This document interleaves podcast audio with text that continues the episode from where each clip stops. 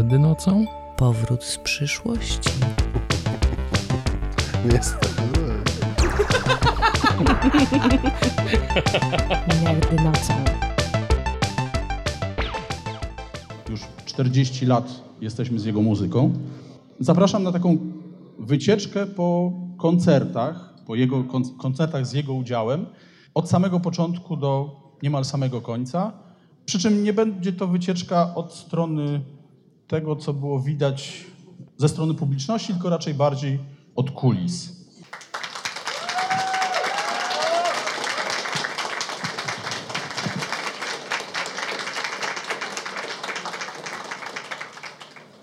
Pierwszy taki znaczący koncert, a może właściwie trasa koncertowa, to była jeszcze chyba za czasów studenckich, prawda? Kiedy pan wyjechał jeszcze do Stanów w zespole folkowym z takim repertuarem no, dla Polonii. Właśnie na czym pan tam grał? Bo my cały czas kojarzymy pana z klawiszami, natomiast tak naprawdę jest pan multiinstrumentalistą. E, Tak, e, grałem na kontrabasie. Był to zespół folklorystyczny, tak to się nazywało. Mhm. E, Graliśmy muzykę ludową dla Polonii w Stanach Zjednoczonych i Kanadzie. No i to była taka trasa 60, gdzieś tam ponad 5 koncertów. Jeden dzień był tylko przerwy na przejazd, a tak codziennie był koncert albo dwa. A pojechałem po to, żeby zarobić na pierwszego muga. No taka była prawda. No właśnie. Trzeba było zarobić i to nie tutaj, bo tu się nie dało e, takich pieniędzy w ogóle zdobyć. Jeszcze tym bardziej jako, jako student, ale właśnie tą furtką do wolności i do tej muzyki, którą chciałem uprawiać, była ta, ta możliwość wyjazdu, a muzycy taką możliwość wtedy mieli. W tamtym systemie to jednak ci muzycy byli traktowani tak ulgowo, bo to tak nie wiadomo było, co, czy, czy on jest normalny, czy nienormalny. I to było bardzo dobre w tym e, nienormalnym e, świecie, w jakim żyliśmy. Więc dzięki temu w ogóle wielu muzyków e, tak jakby wybudowało swoje instrumenty jeżdżąc na takich koncertowych trasach. No i tak mi się udało akurat. Grałem na kontrabasie muzykę ludową. Poznałem ją wtedy bardzo dobrze, co mi się do tej pory przydaje, więc niczego nie żałuję. No właśnie, z czyli stąd, stąd można powiedzieć, są te wątki, które, które wplata pan w swoje utwory. Tak, no jak najbardziej. No. Jest taki utwór, zresztą będę dzisiaj grał również, Taniec w zaczarowanym gaju. To jest taki właśnie, e, taki kujawiaczek. To jest taki walczyk, właśnie kujawiak, ale jest to jakby oryginalna e, e, muzyka, mimo to, że byli tacy, którzy szukali po Kolbergu, gdzie, gdzie tam z, motyw został znaleziony. Okazało się, że nie ma, że to jest oryginalna kompozycja, z czego się bardzo cieszę. A jest to tak proste w sensie wymyślenia, żeby, no jak to, przecież to jest, wszystko jest ułożone, nie? Tak, No ale właśnie dzięki temu, że się osłuchałem z tą muzyką, to miałem taką jakby łatwość przekazania jej.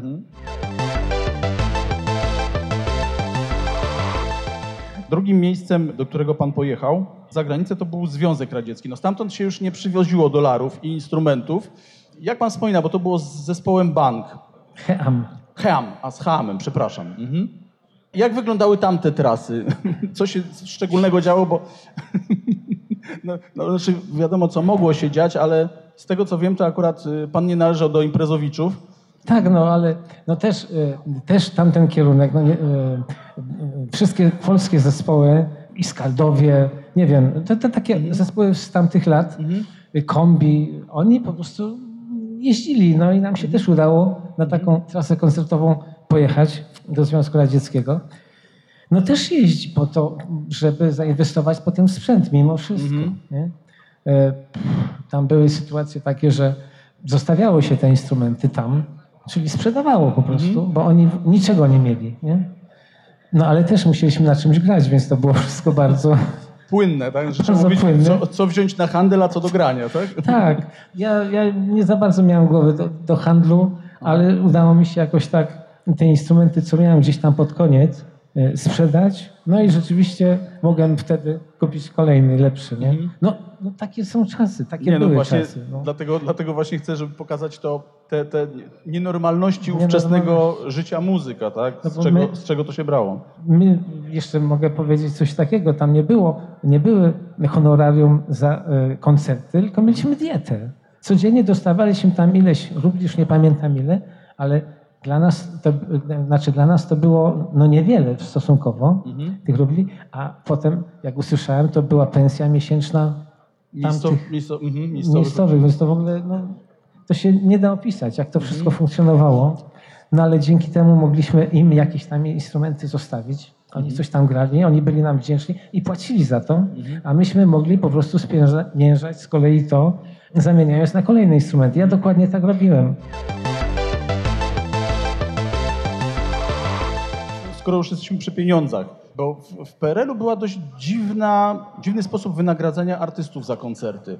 To nie było tak, że przyszło 500 osób, to się rozliczało bilety i się dawało. To był jakiś zupełnie taki dziwny system. Czy, czy pamięta pan, jak to wyglądało? No, były stawki tak zwane, estradowe stawki. No i w zależności od tego, jakim byłeś, y, jakiej kategorii muzykiem. Tam pierwsza, druga, trzecia kategoria, no to tam było 500 zł, 300 zł, nie? O, jakoś Czy to, tak. się, to się generalnie, y, nie wiem, zdawało jakiś egzamin, tak, na muzyka, a potem awansowało tak jak w normalnej firmie, tak? No to Mniej mo- więcej. Można tak powiedzieć. Znaczy, ponieważ ja skończyłem wyższą szkołę muzyczną, to Mhm. automatycznie Była wyższa stawka. y, tak, no i byłem już muzykiem, nie musiałem tam. Aha, już nie trzeba było egzaminu, Zdawać czyli ci, którzy jakby chcieli Tak. założyć garażowy zespół, to musieli potem jeszcze zdać egzamin. A ci, dokładnie tak.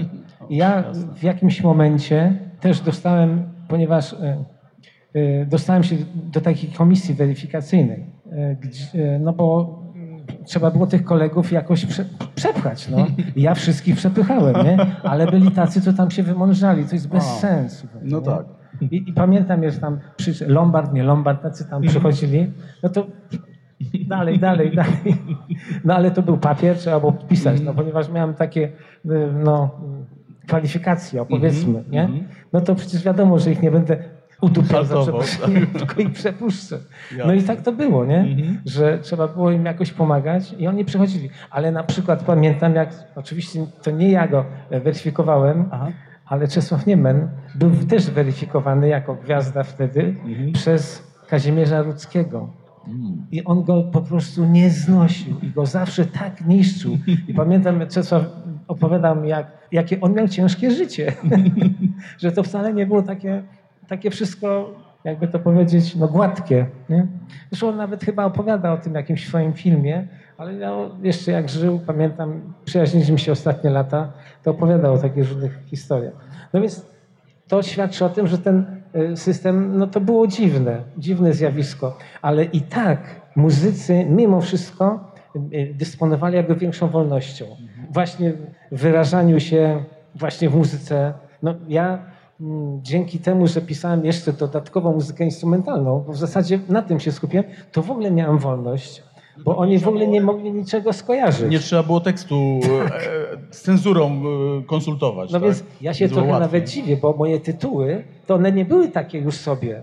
Bo na przykład jest tytuł po drugiej stronie świata. Jaka druga strona świata? Jest tylko jedna strona świata, my. Nie? No tak. Ale poszło. Dom w Dolinie Mgieł. No kurczę, dom w Dolinie Mgieł, nie? No Wiadomo, nie? Mgła zasnuła nas wszystkich. Nie złapali. No ucieczka z tropików. U nas było gorąco, nie? No tak, tak. Nie złapali, nie? A ucieczka z tropików szła. No bo to trzeba było jeszcze trochę większej inteligencji. Nie zawsze ci cenzorzy mieli. Nigdy nie spotkałem się z cenzurą, bo te tytuły były takie, a nie inne, a nie łapali. W ogóle chyba jak tylko widzieli instrumentalna muzyka, to w ogóle tam No to luz. przepuszczali. nie? Na etapie banku doszło do krótkiej, bardzo krótkiej współpracy z Ryszardem Ridlem. Jest taka książka, e, czyli przepraszam, jest taka piosenka, powiedz mi coś o sobie, do której pan napisał muzykę, a e, Ryszard Riddle tekst czy zarys tekstu. Dlaczego to trwało tak krótko, bo w zasadzie to tam ledwo się zaczęło, już się skończyło. No, trzy miesiące to trwało. No właśnie, do tej pory żałuję, że tak się stało, no ale już, już się nie, nie odstanie. No bo to tak było, że to jeszcze było daleko przed dżemem. On szukał zespołów różnych i, i było tak, że my spotkaliśmy się pod Wrocławiem w Środzie Śląskiej, bo trzech gitarzystów z banku pochodziło ze Środy Śląskiej, więc my dojechaliśmy, bo to było zawsze związane z kosztami, więc to było jakby najbardziej opłacalne, żebyśmy my tam dojechali, a nie oni pojawił się Riddle. Nie, nie pamiętam, kto ze, z muzyków go Wprowadził. ściągnął, Mhm. wprowadził i, i no, on się nam bardzo spodobał. No, ja to w ogóle byłem nim e, zauroczony, bo no, człowiek wielkiego serca, wielkiej wrażliwości. Wtedy, ja nie wiem, kochani, ale według mnie on nie ćpał wtedy. No, ja go znałem takiego czystego, bo myśmy razem trzy miesiące mieszkali. I codziennie był jogurt, bułeczka na śniadanie, na ławeczce w parku. No, wszystko było jak trzeba, nie? I mieliśmy próby i to nie było, no, no było naprawdę wszystko okej. Było tak, że on był z Katowic, jemu było daleko. Już miał żonę chyba, chyba tak. I po prostu no, ciągnęło go do tych Katowic, a tutaj no, Wrocław, to jakaś była odległość. I w pewnym momencie też mu się zaczęła ta muzyka nie podobać. Nie? Bo ja bardziej właśnie tak bluesowo jemu to pasowało. I na przykład Jestem Panem Świata, to też on miał wkład w ten utwór, który był tam tytułowym utworem banku, jak i hit. A powiedz mi coś o sobie, to był taki już romantyczny utwór. I, jemu takie kawałki bardzo pasowały. Nie? I on do mnie mówi, Marek, chodź ze mną, weź te komputery i idź ze mną do, do Śląska. Nie? A ja mówię, człowieku, ja jestem z Poznania, jeszcze dalej mam jechać. Już mnie się nie chciało jechać dalej. Czyli można że przy, powiedzieć, że przez geografię cały projekt Tak, upadł. przez geografię, no. Bo on chciał z kolei mnie ściągnąć tam do, do Śląska, mówi, zostaw ten zespół. A myśmy już zrobili dosyć prób, już to się szło dobrze. No i on zrezygnował. I on rzeczywiście powiedział, że jemu to nie pasuje, albo to, no po prostu nie pasowało. Ale chciał mnie ściągnąć, a ja, ja rzeczywiście myślałem sobie, że nie, za daleko. I zostałem w tym banku i graliśmy tam te 2-3 lata. Tak jak się stało. No przyszedł wokalista taki, jaki był, no i już. Potem wybuchła popularność. Przeszedł pan na swoje. Nielegalnie został odtworzony, od- odtworzona taśma w trójce przez pana Kordowicza, e, która została tylko do konsultacji wysłana zaledwie. No i się okazało, że, że ta muzyka trafiła na podatny grunt, że zyskała mnóstwo fanów. No i w zasadzie zachodni artysta przy takiej popularności, przy zostaniu in- instrumentalistą roku przez pięć lat kolejnych, no powinien w zasadzie kupić sobie żelazko do prasowania banknotów i żyć jak, jak król. Okazało się, że w polskich realiach to jest niemożliwe. No właśnie przed chwilą mówiliśmy na ten temat, ja- jak to było wynagradzane. Czy nie żal było panu porzucać tego wszystkiego? No bo to były koncerty, były pełne sale, no chociażby tutaj y, w, w połowie lat 80. dwa koncerty przy, przy, przy pełnych salach. No a jednak skusił się pan na, na ofertę do, wyjazdu do Kuwejtu. Aha, to w tym. e, mm, No tak, no tak, rozumiem, rozumiem. Bo tak, przyszliśmy od banku, odszedłem Tak. od banku, tak? Tak. E, Zrobiłem popularność w Polsce, zgadza się? Dobrze. No tak, i, tylko że w Polsce za tą popularnością nie szły pieniądze. I teraz tak, żebym mógł uniezależnić się od studio na przykład, no bo w, tej, w, w gatunku, w którym uprawiam tą muzykę, no to jest potrzebna pełna e, paleta barw, instrumentów, e, urządzeń studyjnych, które nagrywają to wszystko. No bo na tym polega muzyka elektroniczna, żeby ją jakby w całości e, wyprodukować. No jest coś w tym i ja chciałem iść w tym kierunku, e, takim tym producenckim również, ale chodziło mi tylko o moją muzykę. Nie, nie, nie zajmowałem się jakby innymi działaniami, tylko wiedziałem, że muszę to zrobić sam i chciałem. No ale żeby to zrobić sam, musiałem mieć sprzęt. No więc wiedziałem, że tyle, co zdobyłem w Polsce, nie da się więcej, że mam to, co mam, a chciałbym mieć e, więcej i rozbudować to. No więc przyszła propozycja wyjazdu do Kuwejtu na 3, na 4 lata. No, jako nauczyciel, y, wykładowca w Akademii Muzycznej w Kuwejcie, to tak się nazywało. Były dwie w arabskim tam świecie. Jedna była w y, Kairze, Wyższa Szkoła Muzyczna i druga była w, w Kuwejcie, w tym czasie, teraz może jest więcej. No i zdecydowałem się na to. Ciężko mi było bardzo, bo wtedy poczułem e, coś, czego nigdy wcześniej nie czułem. E, Straszną tęsknotę. Ja po prostu, ja się tam przez te 4 lata nie, nie mogłem odnaleźć. Mimo wszystko, mimo że pieniądze płynęły co miesiąc, wszystko ok, i to w dolarach. Tutaj była bieda straszliwa, tu się wszystko waliło, więc no w porządku, tylko że ja po prostu nie mogłem wytrzymać tam. No i za mnie jakby zdecydował, historia zdecydowała, bo z, zaczęła się tam wojna, agresja Iraku na Kuwait i ta wojna mnie została jakby tu w kraju, a ja potem, e, jak już e, była taka możliwość, to pojechałem tam i te resztki, które tam zostały, odebrałem. Jakby, ale już nie podejmowałem pracy. No też, historia też taka mm, ciekawa, że w tym czasie, już ponieważ byłem znany w Polsce, no to i w Kuwejcie, wśród Polonii oczywiście byłem znany. No i tam zrobiliśmy parę koncertów takich charytatywnych, no bo mnie ciągnęło i na scenę, i na taką działalność. Jednak e, działalność pedagogiczna jakoś no nie pociągała mnie. Musiałem jakoś tę scenę poczuć. I zagrałem tam parę koncertów e, w różnych takich konfiguracjach ciekawych. W każdym razie to e, zaprocentowało w, w momencie, kiedy okazało się, że wszystko, co zostało tam w Kuwejcie, jest nie do odzyskania. No, a ja tam wybudowałem sobie swoją pracownię. I tam były też instrumenty, tak? No i były instrumenty, tak. No, część stoi tutaj jeszcze na scenie No właśnie. z nich, czyli to ponad 30 lat. I co się okazało? Dzięki właśnie, mm, mm, nie wiem, jakby to powiedzieć, y, dobrym ludziom, tak mogę powiedzieć, y, i przychylności ambasady polskiej, bo wiedziała, że, że działam, że jestem taki, a nie inny. Oni mi y, ściągnęli te instrumenty, bo była taka możliwość. Czyli to kanałami, można powiedzieć, dyplomatycznymi, Tak, tak? kanałami I to było dla mnie, no to był cud, że ja te instrumenty odzyskałem, a była taka sytuacja, że myśmy tu siedzieli, a tam wszystko poszło jednym ruchem w ogóle w dym, nie?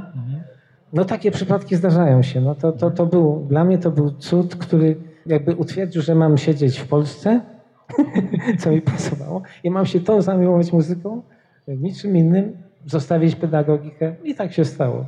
No ale y, ten y, okres y, pobytu w Kuwejcie był taki dość, powiedziałbym, płodny twórczo, dlatego że po pierwsze powstała taka wariacja symfoniczna, tak, która miała być prezentowana, czy miała być premiera jej na, na 30-lecie niepodległości Kuwejtu. Ona w końcu z powodu właśnie tej wojny nie miała swojej prapremiery w Kuwejcie, została potem wykorzystana w Sewilli bodaj w Tak, w 92 roku, tak? Także miała tam premierę, ale jak najbardziej ten utwór y, został zaprezentowany. Ale z kolei tutaj w Polsce pojawiały się różne dzieła w tym okresie właśnie, a to muzyka filmowa, a to muzyka teatralna, bardzo różne rzeczy, które, no właśnie jak się pracowało na odległość? Bo tak wygląda jakby to pan tam komponował rzeczy tutaj do Polski. no, troszkę tak to wyglądało. Troszkę, no wtedy, ale wtedy nie było internetu, więc no jak Nie, to nie było. wyglądało?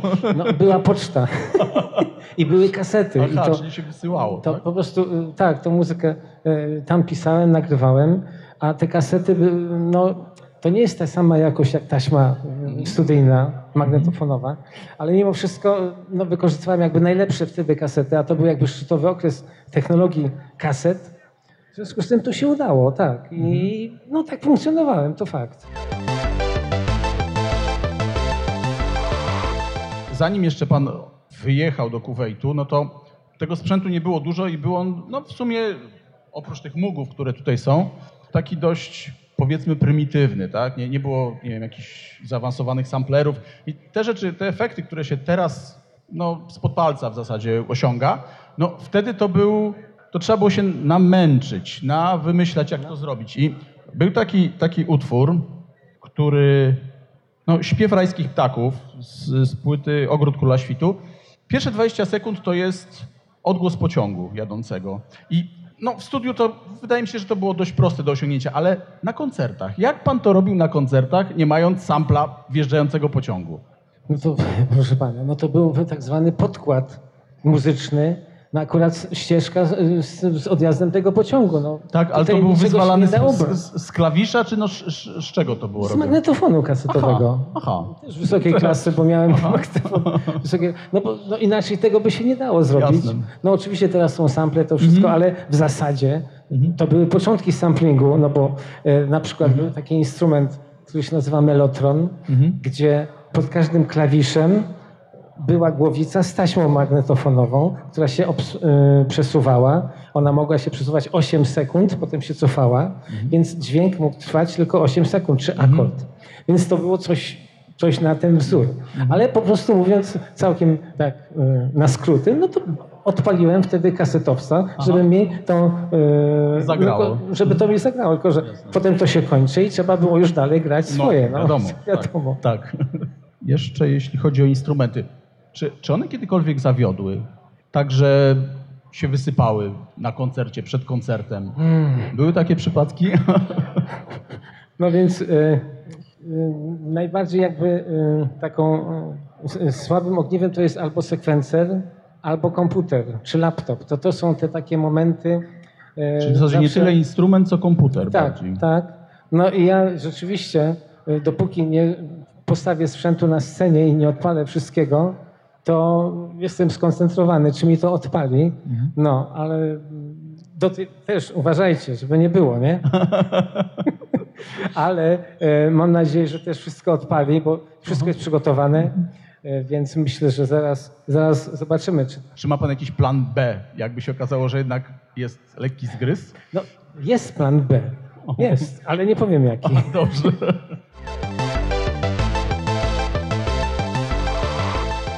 Po tym powrocie z Kuwejtu odbył się taki pamiętny, pamiętny, no właśnie, pamiętny może nie dla samych słuchaczy koncert, ale myślę, że dla pana tak.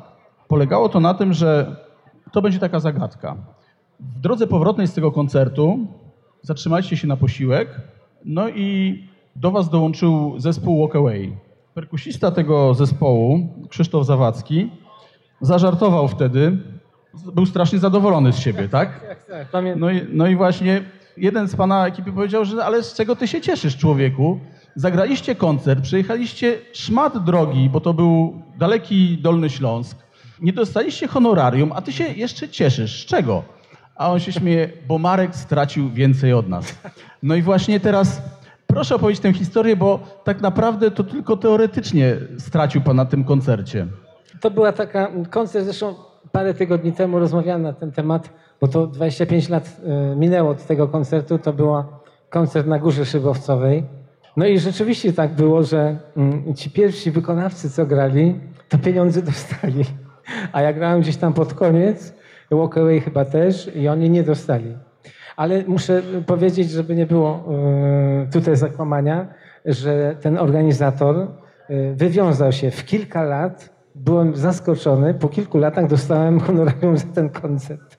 O, E, tak, organizator gdzieś wyjechał, nie wiem gdzie, do jakiegoś kraju, ciężko pracował i wszystkim te pieniądze oddał. Więc on się zachował mm, honorowo, ale rzeczywiście, no wtedy tośmy wieszali psy na nim, no bo wszyscy przyjechali. No, była cała czołówka jakby i jazzu, i popu, głównie y, muzyki tej klawiszowej, elektronicznej, bo był i Krzysztof Sadowski, i on właśnie w w zakulisach mówił, Marek, idź tam, bo tam już się kończy kasa, nie? Ja mówię, no jak ja mogę, jak ja nie zagrałem? Ja już grałem, ja już mam. No dobrze. I rzeczywiście, ja myślałem, że on żartuje.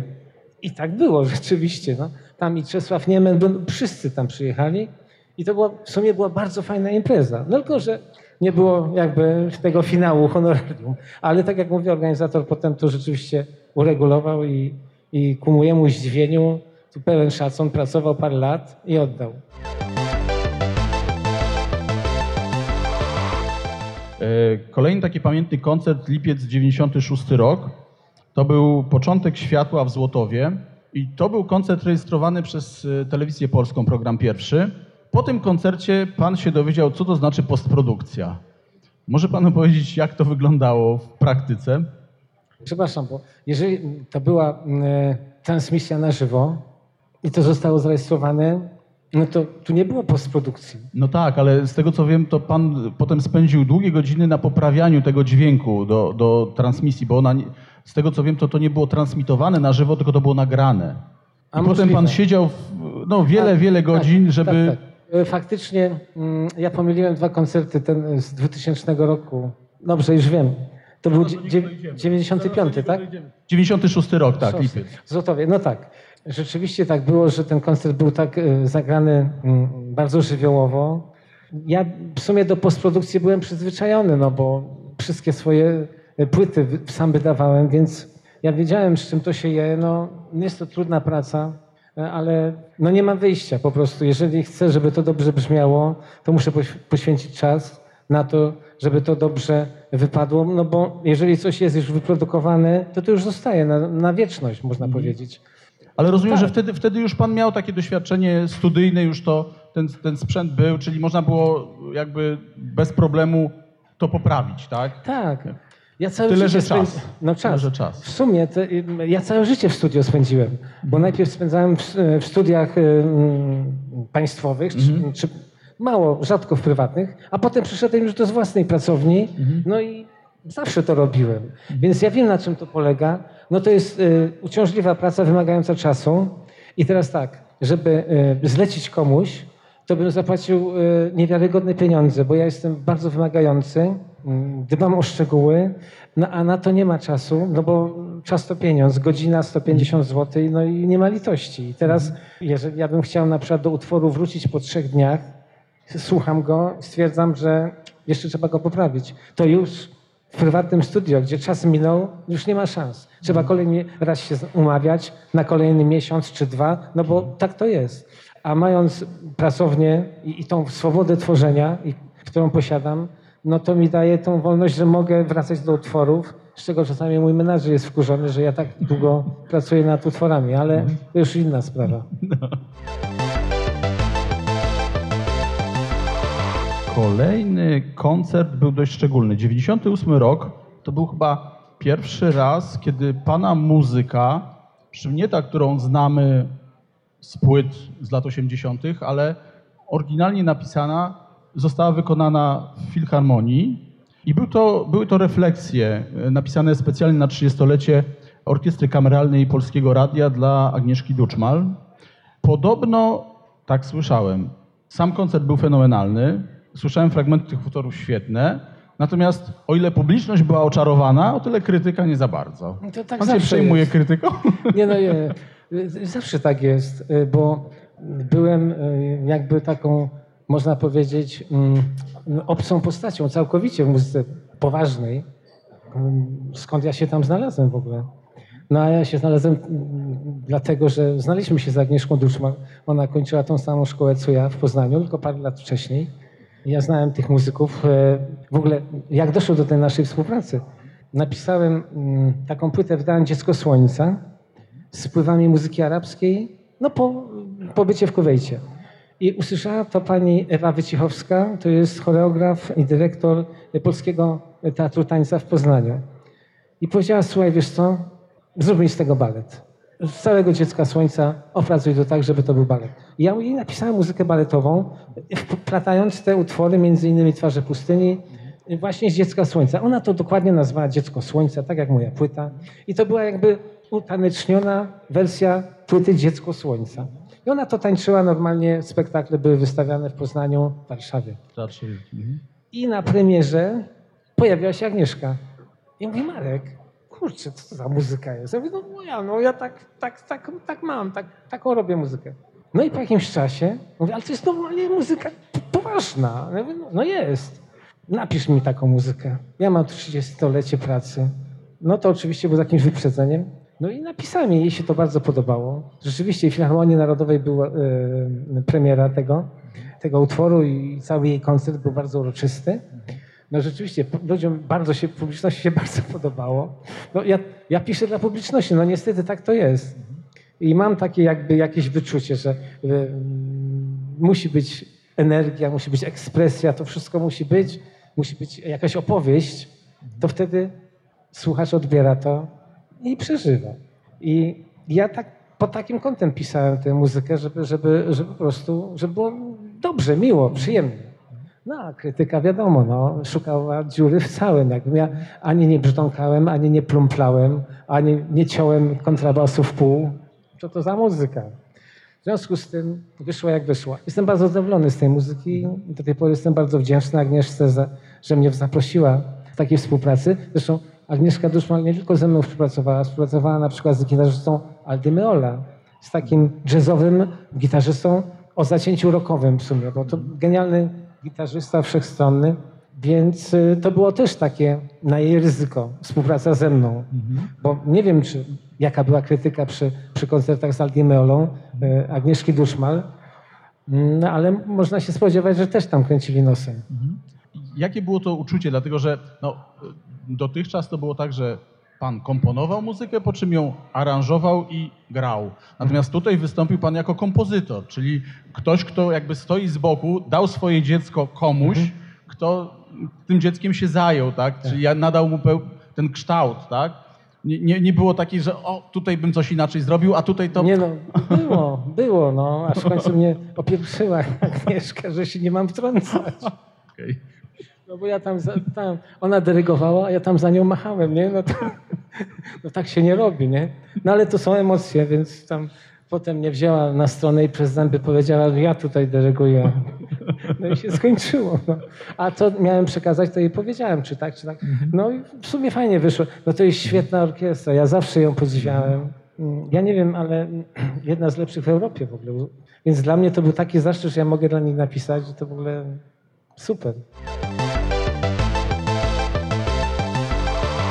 Kolejny koncert to był właśnie ten koncert y, w Gnieźnie w 2000 roku. Y, Ja to na swój prywatny użytek nazwałem Ucieczka z Tropików 3, bo pierwsza to była ta, którą znamy z płyt, druga to była ta właśnie w 90 roku, 91. No a tutaj właśnie zdarzyło się coś, co, co zaskoczyło organizatorów, bo jak wyjeżdżaliście z Warszawy dzień wcześniej, Yes. dzień przed koncertem, było słońce. I zaraz za Warszawą okazało się, że jeszcze, jeszcze w Warszawie mieliście telefon, że w Gnieźnie pada śnieg, co zostało potraktowane jako żart.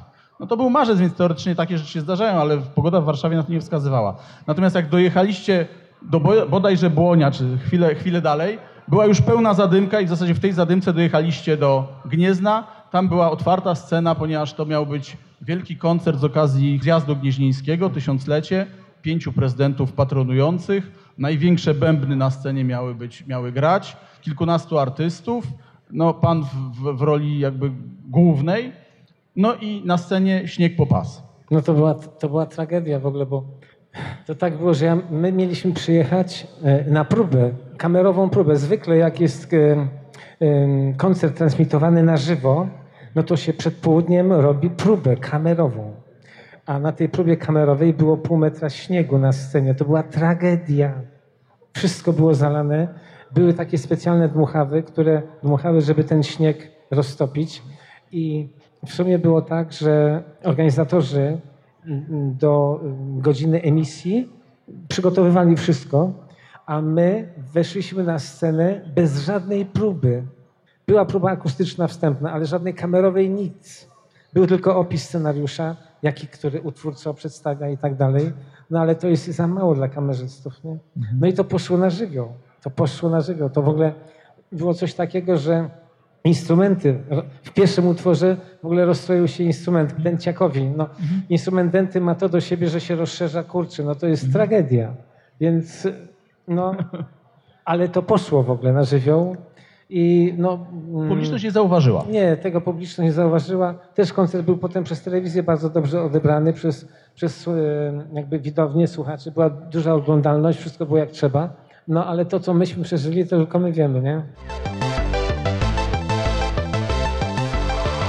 Kolejny koncert, też pamiętny, to był 21 czerwca 2003 rok, Wyspa Ołowianka. Bardzo widowiskowa rzecz, z tancerzami pływającymi, tańczącymi na łodziach. Kolejny raz pan wystąpił z wokalistą, tym razem był to Piotr Cugowski. I to był jeden z dwóch koncertów, w którym pan zebrał, można powiedzieć, duet bracia, bo niedługo później w Bielsku Białym, Bia- Białej za, wystąpił Wojciech. No i właśnie przy okazji wokalistów kursuje taka plotka, że generalnie pan nie za bardzo trawi wokalistów. Czy to dotyczy bardzo konkretnych wokalistów, czy ogólnie ta muzyka, którą pan w sumie gra, jest, no nie wymaga wokalisty, w związku z czym ma pan wszystko pod kontrolą, a wokalista jest jednak pewnym elementem, który może to zakłócić. W pewnym sensie można tak powiedzieć, że, że, że tak jest. Może nie trafiłem na, na odpowiedniego wokalistę przez, przez ten czas e, mojej działalności, ale mm, cieszę się z tego, bo akurat e, Piotr Cugowski wystąpił krótko przed tym, jak zaczął robić karierę, więc fajnie, bo on jakby był tutaj ze mną na samym początku swojej drogi i potem jego brat e, tak samo, bo wystąpił w, kolejnym koncercie. Rzeczywiście, no, bardzo dobrze nam się układała ta współpraca, ale mm, ja jestem instrumentalistą i jeżeli w ogóle toleruję głos, to tylko na zasadzie na przykład wokalizy. O, to by mi odpowiadało i niewykluczone, że mm, jakieś takie poszukiwania zrobię I, i, i parę rzeczy mam takich. Y, Z kolei chór, no, uwielbiam chór. Uwielbiam coś, co To- to myślę, zagra z tyłu za mną czy obok mnie głosy, naturalne, prawdziwe głosy. To jest coś pięknego, ale też nie będę szukał tekstu, tylko właśnie wokaliza. piękne tło. Jest to, jest to coś dla mnie niewiarygodnego w sensie takiego przeżycia estetycznego. To, to myślę, że to jest jakieś, jakaś pochodna tego klasycznego wykształcenia muzycznego, no jest, prawda? Tak, to jest na pewno, bo no Mozart, Mozart jak pięknie używał chórów, no to, to jest coś niesamowitego. No. Gdzież mi tam do Mozarta, ale trzeba próbować. No właśnie, Trzeba czyli czekamy próbować. na utwory z chórem. Kolejny koncert, to już przedostatni. Występ w Warszawie pod patronatem prezydenta Warszawy, koncert Warszawa przyszłości. Też duże widowisko z laserami, ze sztucznymi ogniami. No właśnie, y, to jest jakby coś, czym jak sobie pomyślę, koncert Marka Bilińskiego, to od razu widzę, właśnie widzę, nie tylko słyszę, ale widzę tę ferię kolorów, barw, świateł. To jest to, do czego jakby pan nas przyzwyczaił. No właśnie tam y, z jednej strony muzyka instrumentalna może wymaga trochę barw, z drugiej strony te barwy jak, mm, myślę, że rozszerzają wyobraźnię, bo nie mamy tekstu, nie mamy piosenki, gdzie trzymamy się tekstu i on coś tam nam przekazuje, tylko patrzymy, słuchamy. No i mamy jakby takie wrażenie i wizualne, i, i, i słuchowe, estetyczne. I dlatego to tak jakoś się y, łączy razem. A mnie się udało parę takich koncertów w życiu zagrać. No, ten koncert oprócz tego był jeszcze mm, e, kwadrofoniczny, bo miał cztery punkty nagłośnieniowe. Rzeczywiście była super mm, jakość. Ci, którzy byli gdzieś tam w środku, to ten dźwięk im krążył, bo to też było wszystko trzeba opracować, Mhm. ale Czyli to udało były się. specjalne aranżacje na Tak, na, wszystkie cztery spadofonie. głośniki, a nie na dwa. I to było dobre. Poza tym no, grałem z zespołem. Rzadko grywałem, ale tam zagrałem z zespołem i to jest też, ponieważ jestem muzykiem i orkiestrowym, i zespołowym, bo swoje lata studenckie tak spędziłem grając w zespołach, to to jest też wspaniałe przeżycie grać z drugim człowiekiem. To jest coś pięknego. A miałem okazję grać z bardzo dobrymi, takimi jak e, czy Wojtek Pilichowski, czy Krzysztof Misiak, świetny gitarzysta. Grałem z Tomkiem Łosowskim, perkusista. Oni jak zagrali, no to, to chce się grać po prostu. I to jest piękne. Chciałbym kiedyś też jeszcze zagrać taki koncert. No teraz jest troszkę inna moda, zauważyłem. Że w zasadzie ostatnie lata to gram sam, solo. No może się te czasy zmienią. Czekam na to. No właśnie, ostatni koncert, na którym chciałbym się zatrzymać, to takie wyjątkowe wydarzenie. Za tydzień będziemy mieli drugą rocznicę, czyli koncert Filharmonii Szczecińskiej 11 listopada 2015 roku, który jako pierwszy został zarejestrowany live w pana karierze i w tym roku w styczniu ukazała się płyta z tym koncertem. Także dzięki tej płycie ten koncert jest tak naprawdę również z nami. To jest w pewien sposób y, ciekawe, że po raz pierwszy z, z, z własną muzyką trafił pan do Filharmonii. Nie, No. mówię o, nie mówię o utworach właśnie tych specjalnie napisanych dla chociażby Agnieszki Duczmal, ale z tymi utworami, które znamy, tak? które znamy z lat 80. Takie jakby koło się zamknęło, prawda? Tak. Wyszedłem kiedyś z Filharmonii i wróciłem do niej. No oczywiście, dlatego pomyślałem sobie, że to jest okazja, żeby ten koncert nagrać, bo mm, no nie wiem, e, wątpię, żebym jeszcze raz miał taką okazję grać w Filharmonii, chociaż kto wie, ale no to jest piękne przeżycie, bo to jest inny odbiór. Tam ludzie przychodzą, tak myślę, mm, po to, żeby posłuchać muzyki. Nie było jakiejś ferii świateł, światła były bardzo stonowane. Wszystko było jakby, to, no chociaż troszkę tam tych świateł jest, jak się zobaczy to, ten e, koncert e, na płycie, to, to, to one były, ale mm, może nie tyle widownia, ile ja byłem jakoś tak nastawiony filharmonicznie, tak mogę powiedzieć, że bardzo dbałem o dźwięk, o wykonawstwo, żeby to wszystko dobrze wyszło, no bo to miejsce jakby wymagało tego. Czy właśnie, czy y, do Filharmonii powstały jakieś nowe aranżacje? Bo jednak te wszystkie utwory, one wspaniale były, by, były słyszalne, ale to wszystko były imprezy na otwartym powietrzu, gdzie akustyka jest zupełnie inna. Czy y, robił pan jakieś specjalne aranżacje właśnie pod tę płytę, pod ten występ? Więc no, ja w zasadzie to każdy koncert przygotowuję od nowa. To mam coś takiego, że muszę sobie wyobrazić miejsce, w którym gram. I wtedy mm, pod to miejsce jakby i ustawiam kolejność utworów i je tak układam, żeby, no żeby pasowały. Nie wiem jak to nazwać. E, opracowuję, coś zmieniam, coś dodaję. No tak, tak. Czyli czego możemy się spodziewać podczas dzisiejszego koncertu? Ja myślę, że tu będzie takie klub, mm, mm, gram w klubie, rzadko grywam w klubie, No w ogóle w, w klubie Remont to gram drugi raz w życiu. Pierwszy raz w życiu zagrałem gdzieś ponad 30 lat temu. W połowie lat taka- 80. były dwa koncerty, 80.. pełna sala, ludzie Tak. na schodach. Tak, i to były. A, ale to była inna sala, to była taka amfiteatralna sala. No tak, tak myślałem. I tak troszkę po cichu myślałem, że może to będzie ta sama sala. Okazało się, że jest klub. A w klubie, tak jak mówię, rzadko grywam.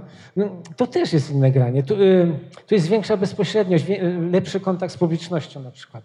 I to jest bardzo ciekawe, bo tego nie ma gdzie indziej. Jak ja gram na plenerze, y, czy w plenerze, to publiczność jest 30 Daleko. metrów. Ja w ogóle czasami czuję się taki osamotniony, bo, bo ja mam, tam jest ciemno, bo wszystkie światła na mnie i ja mam taką tylko budkę, widzę akustyka i nic więcej. No więc to, tak, to taka samotność, nie? Wśród, jest coś takiego. Samotność w tłumie. Coś takiego. A tutaj no, jesteśmy jakby w bliskim kontakcie. To jest ciekawe, bardzo No to ciekawe. w takim razie bardzo dziękuję za rozmowę. Nie będę już dłużej przeciągał, żeby, żebyśmy mogli pos- posłuchać tej wspaniałej muzyki. I teraz mam tylko prośbę. Y, Jedną prośbę i jedną informację. Prośba jest taka, żeby podczas koncertu nie robić zdjęć z fleszem panu Markowi, bo to rozprasza i przeszkadza.